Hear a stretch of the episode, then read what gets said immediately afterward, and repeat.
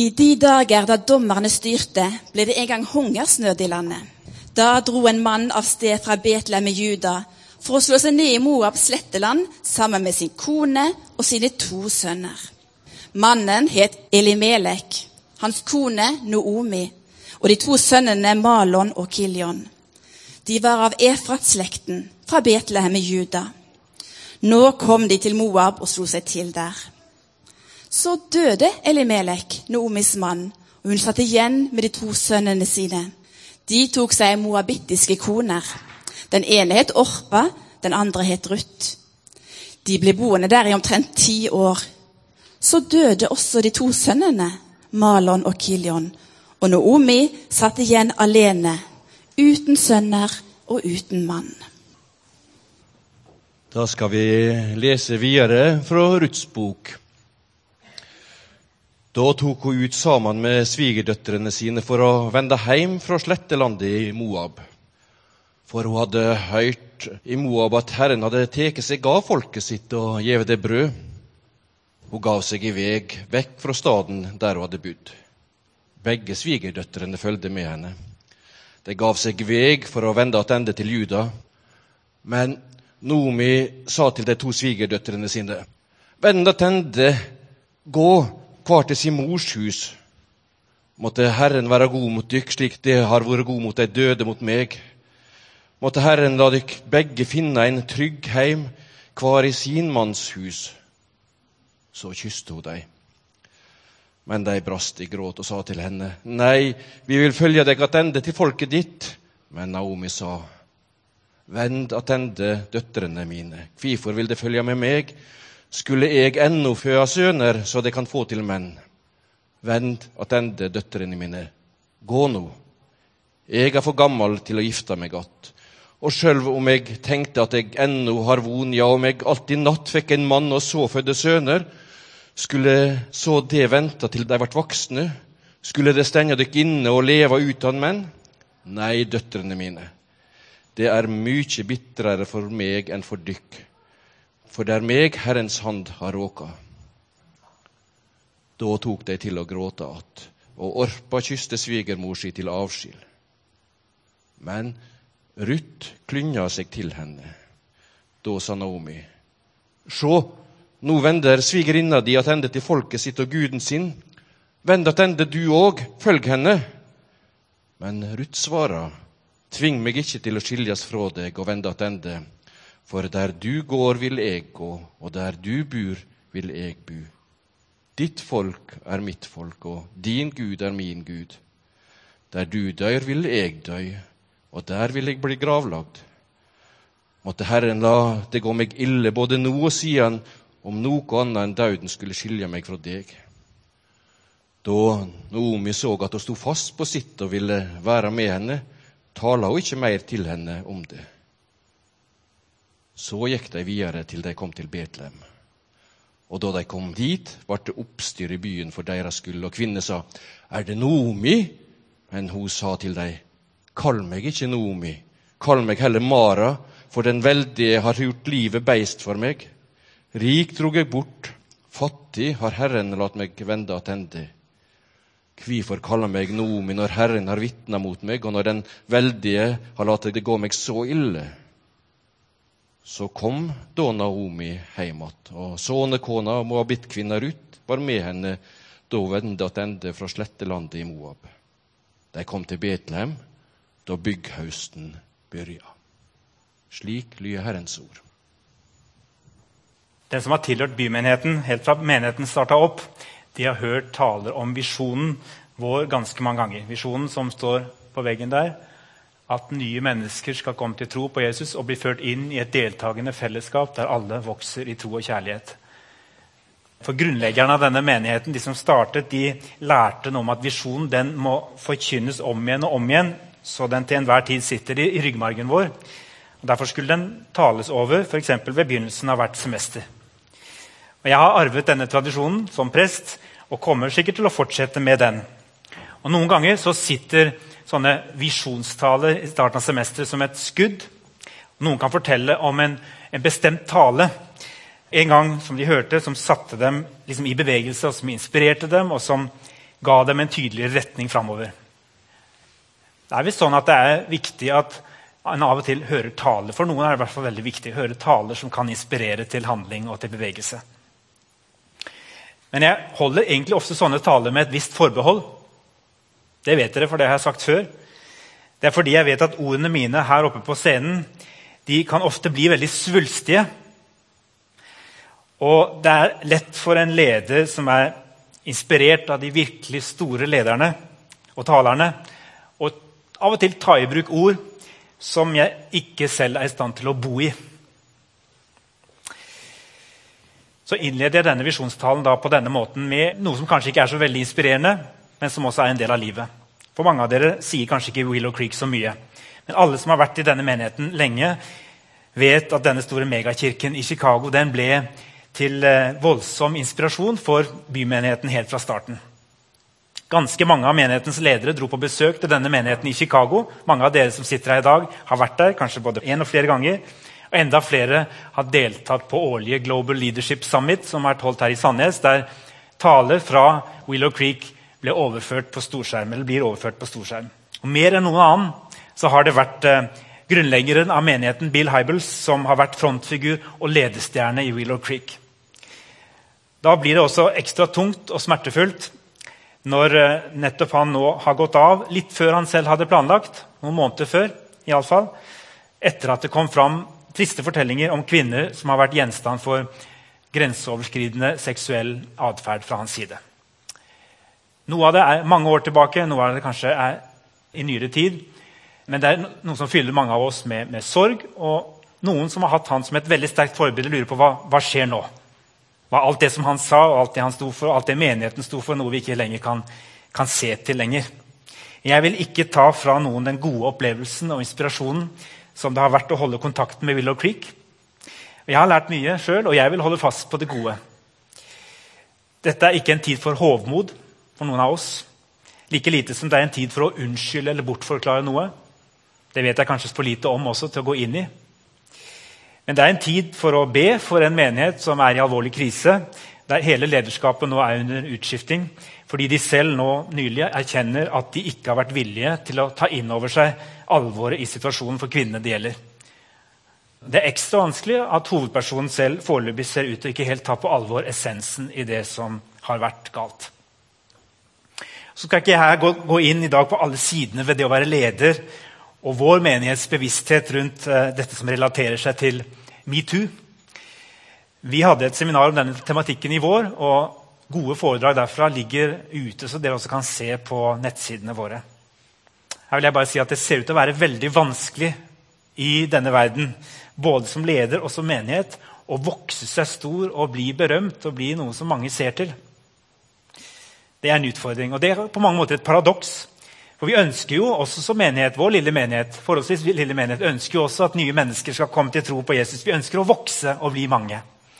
Men vi skal være oss bevisst at enhver vekst skjer under kraftig motstand fra en som gjør alt han kan for å hindre oss.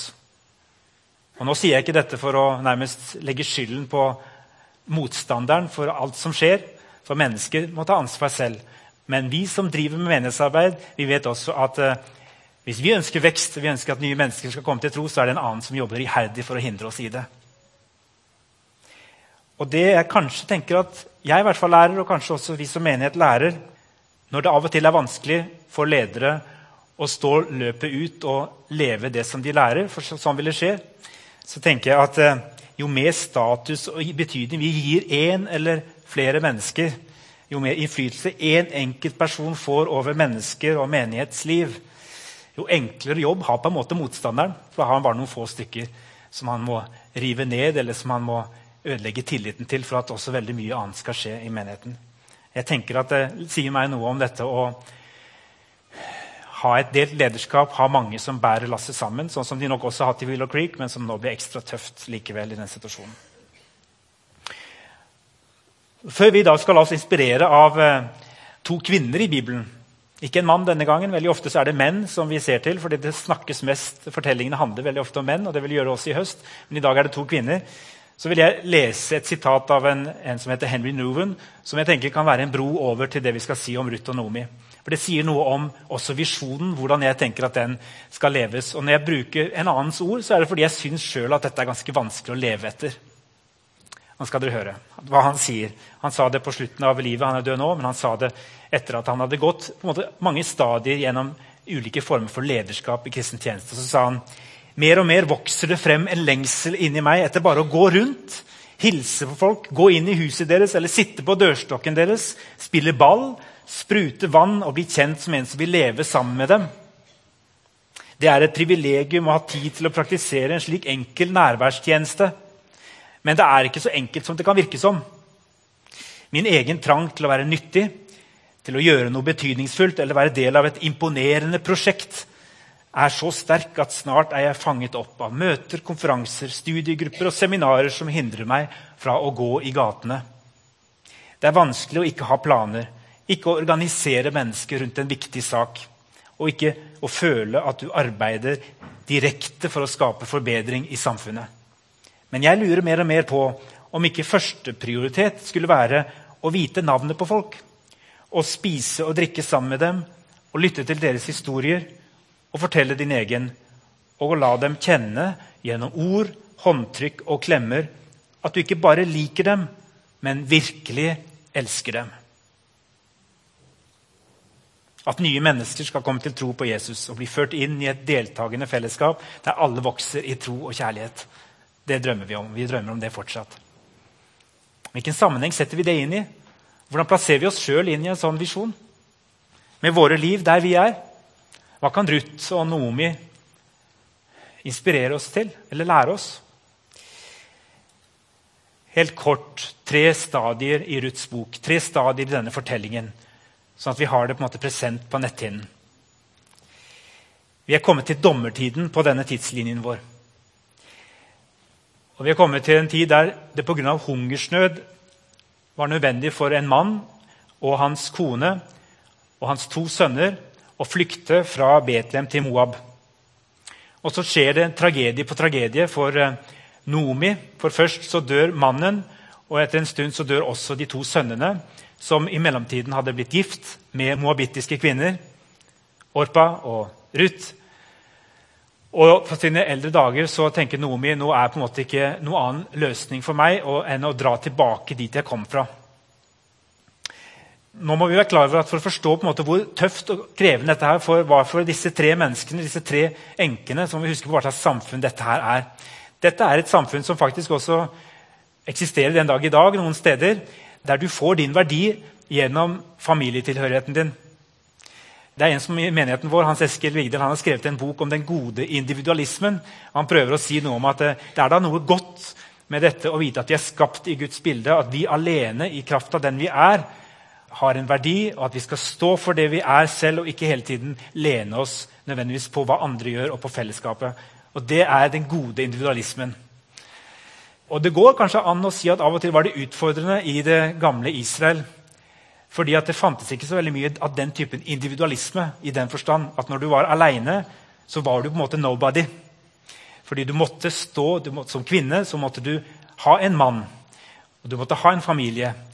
Og Det er derfor profetene gang på gang når de skal rope om uretten i landet, så snakker de om enkene. For enkene og de farløse, de som var uten familie, de var de som hadde det vanskeligst i det samfunnet den gangen.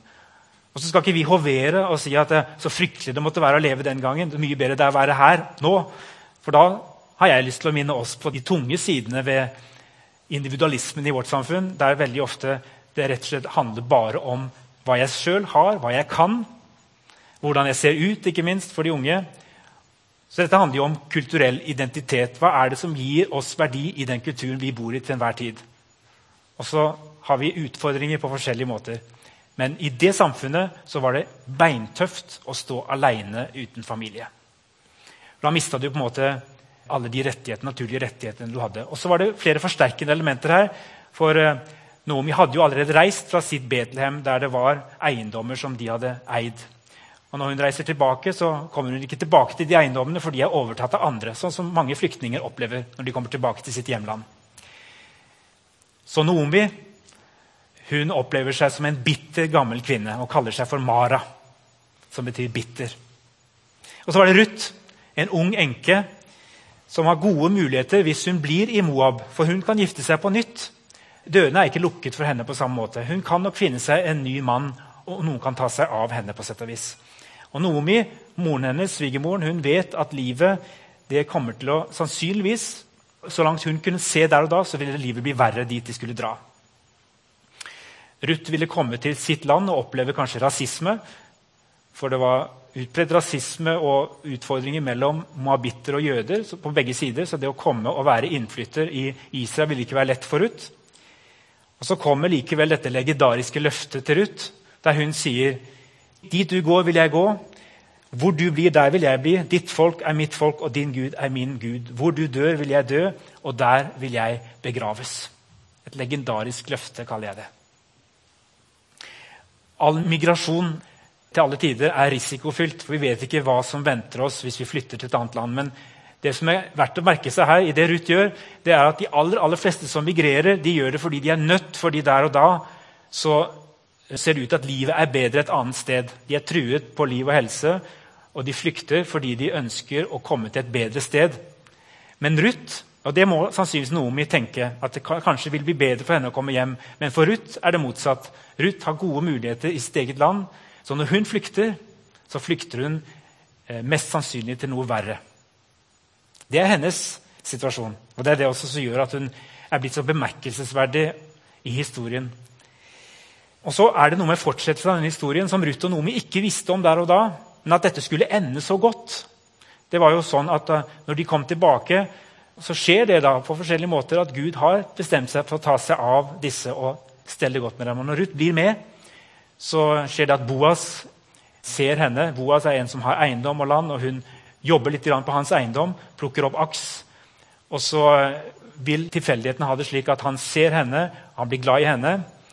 Og hun frir, rett og slett. Hun er så frimodig. Det er også mot alle odds. Etter tradisjonen så er det hun som sier kunne du tenke deg å ta meg til kone. Og Hun er frampå, og sånn dagen etter så hun kommer tilbake, eller samme dag hun kommer tilbake til Nomi, så forteller Nomi henne at dette er ikke bare en, en fin mann, han er også vår løsningsmann. Og løsningsmann det var, det var de som var i slekt med Nomi, som hadde rett til å kjøpe tilbake den eiendommen som de hadde tapt. Hvis noen hadde penger, så hadde de anledning til å kjøpe tilbake eiendommen. Og det denne Boas da gjør, Han kjøper tilbake eiendommen til Nomi, så Nomi får tilbake eiendommen. Og på kjøpet så må han på en måte ta Ruth. Og jeg tror han gjør det med glede. Men det gjør også at de igjen er en familie, og de er i, i trygghet. Tre ting som vi lærer om Ruth og Nomi, og som jeg tar med meg, og som jeg opplever inspirerer meg. Eller kanskje gjør det på en måte litt lettere å kjenne seg igjen i disse to, og det å være en kristen også. Samtidig som det også er noe å strekke seg etter. Jeg tror at det Ruth går gjennom akkurat i det øyeblikket hun sier dette legendariske løftet sitt, det er en omvendelse. En omvendelse, At den egentlige omvendelsen i hennes liv fra mange guder, moabittiske guder, og til Noomis tro, den skjer der og da når hun framsier dette løftet. Da i alle fall bekrefter hun tydelig noe som Noomi har vært i tvil om kunne være mulig. Noomi sier det er kanskje best at du går tilbake der du hørte til, og følger dine guder. Men der og da så sier hun jeg vil være med deg, Naomi, og jeg vil ha din Gud til min Gud. Hva er det som gjør at Ruth går til det skritt? Er hun bare god? Er hun bare av naturen en person som eh, ønsket å være sammen med Naomi? Bare av plikten? Altså, det kan vi spekulere i, men jeg tror det som Noomi gjør, uten å være klar over det, det er å være et enormt sterkt vitne for sin tro. For det Noomi, den gamle Noomi gjør, midt i sin bitterhet, og der hun snakker egentlig på mange måter ned sin Gud, så sier hun 'min Gud, som jeg ikke hører lenger', han jeg, må jeg følge resten av livet. Men, eh, men du, Ruth, du skal være her. Og Da viser Noomi en opp oppofrende kjærlighet, en stedfortredende kjærlighet, på mange måter, som jeg tror må ha vist Ruth noe om hvem Gud, denne Gud er. Det er et eller annet så sterkt i det Nomi gjør, selv om hun nesten ikke vet det sjøl. I sin depresjon, kanskje i sin fortvilelse, når hun sier 'Jeg må klare meg alene, jeg får gå til mitt folk'. Dette skal ikke dere måtte bære, Ruth og Orpa. Da viste hun en eh, måte å tro på. Hun viste en tro som tenkte Hvem er denne Gud? må Ruth ha tenkt. Som gjør at Noomi setter andre foran seg selv, og som ikke krever noe av andre, og som setter oss fri. Hvem er denne Gud som setter meg fri? Han vil jeg gjerne bli bedre kjent med. Og så skjer det omvendte, at når Ruth er blitt satt fri, så sier hun 'jeg vil være bundet'. Er det ikke det en omvendelse egentlig handler om? Når en virkelig møter Gud og møter Gud i Jesus Kristus. Og det er å si at Jeg blir satt fri til å velge å følge en Gud som setter seg selv setter sin egen sønn og går i døden for oss og ofrer seg for oss. Noomi viser allerede spor av denne kjærligheten. Her i Det gamle testamentet, og hun er en av formødrene til Jesus. Og så er det Ruth, da, som er blitt møtt med en sånn kjærlighet selv fra en som ikke engang eh, nesten tør å si at eh, hun hører fra Gud lenger. Så blir hun møtt med den kjærligheten, og så svarer hun tilbake med den samme kjærligheten. Ved å si 'Jeg går med deg. Jeg vil ofre alt for deg.' Og så klarer hun på et eller annet vis da å fra sin posisjon å bringe håp inn i en umulig situasjon for jøden Noomi. Det er ikke argumentasjon som omvender Ruth. Nei, det må være noe av den gudskjærligheten hun har møtt i Noomi. En som setter sine egne behov, andres behov, foran sine egne. Hvis du hjelper mennesker du ser på din vei, til og med de i din egen familie, bare fordi du, du ser at de er på vei til å bli kristne, da gjennomskues det ganske fort. Da ser vi at vi har en agenda som raskt blir avslørt. Det som på sterkt vis til alle tider har fasilitert et møte med Gud for mennesker, det er når de møter overraskende, inkluderende, ikke-krevende offervilje. En kjærlighet som på en måte ikke stiller den typen krav, men bare elsker betingelsesløst. Dette sier også noe om et veldig sterkt vennskap. og Derfor er denne fortellingen om Ruths vennskap til Noomi blitt et, et forbilde for paktstroskap i Israel helt til i dag. Så når de feirer pakten, loven, så leser de også tekster fra Ruths bok, fordi Ruth på en særlig måte manifesterer Ruth, som ikke engang var jøde, manifesterer denne måten å forstå Guds troskap på og reflekterer det i sitt liv.